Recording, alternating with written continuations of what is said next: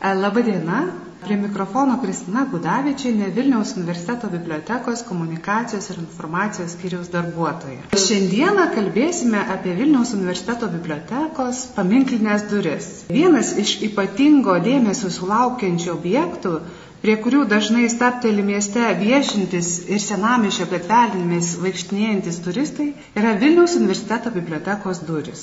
1996 metais jie sukūrė skulptorius Jonas Meškelevičius. Ką jos saugo? Pažvelkime į šias duris kiek atidžiau nes bronzinėme paviršiuje įamžinta ne tik Vilniaus universiteto susikūrimo istorija, bet ir svarbiausi Lietuvos kultūros faktai bei asmenybės. Viršutinėje durų dalyje išlieti žmonių bareliefai. Viename jų pavaizduotas Mikalojus Kristupas Radvila Našlaitėlis įtakingas galingiausios LDK giminės atstovas. Jis aktyviai dalyvavo šalies politinėme gyvenime, užėmė aukštas pareigas, pagarsėjo ir kaip keliautojas, aplankęs tolimus kraštus. Itin išgarsėjusiame veikale kelionė į Jeruzalę Radvila prašė savo nepaprastus kelionės įspūdžius bei nuotykius. Vienas jų kelionės metu didikas bandė slapta į Lietuvą laivu pargabenti dvi mumijas įsigytas Egipte. Deja, laivai patekus į stiprią audrą ir pasikliovus prietarų, kad mumijos gali atnešti nelaimę, jos buvo išmestos į jūrą. Vilniaus universiteto istorijoje Mikalojus Kristupas Radvila paliko pėdsaką 1575 metais, įkurdamas Vilniaus akademijos spaustuvę, dabartinės Vilniaus universiteto leidyklos pirmtakė. Jis taip pat išleido pirmąjį originalų LDK žemėlapį, kurio keletą leidimų galime pamatyti kartografijos kolekciją garsėjančioje Vilniaus universiteto bibliotekoje. Garbingoje vietoje ant durų taip pat išvysime Vilniaus vyskupą Valerijoną Protasevičių. Tai jis pakvietė į Vilnių Jėzaus draugiją, kurios nariai atvyko 1569. Po metų čia įkūrė jėzuitų kolegiją ir biblioteką. Vėliau jis pasirūpino karaliaus Stepono Batoro privilegiją ir popiežiaus bule, leidžiančią perorganizuoti kolegiją į universitetą.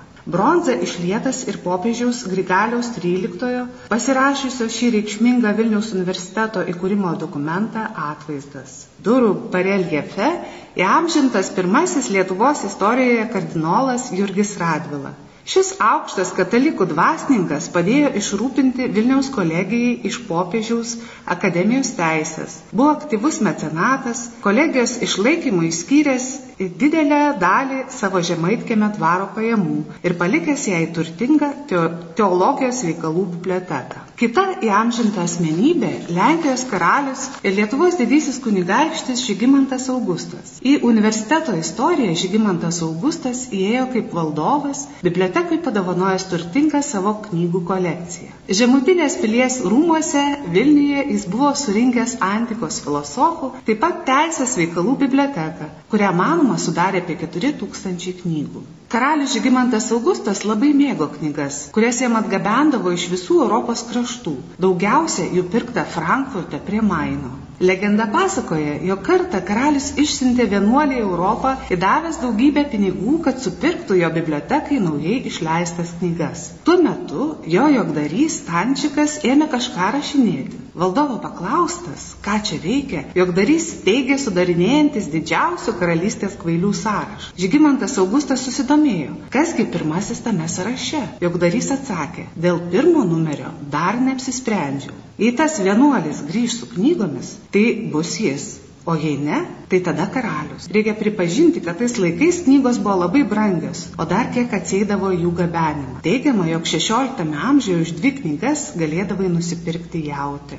Žygimanto Augusto kolekcijos knygos buvo įrišamos Oda, Krokuvos ir Vilniaus meistrų, puošiamos renesansiniais ornamentais su įspaustu super ekslibrisu. Tai buvo humanistinės pakraipos biblioteka. Ji buvo laikoma Vilniuje, vėliau perkelta į Tikocino pilį. Testamentu karalius užrašė savo biblioteką Vilniuje steigiamai jėzuitų kolegijai. Testamento vykdymas užtruko, todėl nemažai knygų išdalinta ir tik nedidelė dalis atkeliavo į Vilnių.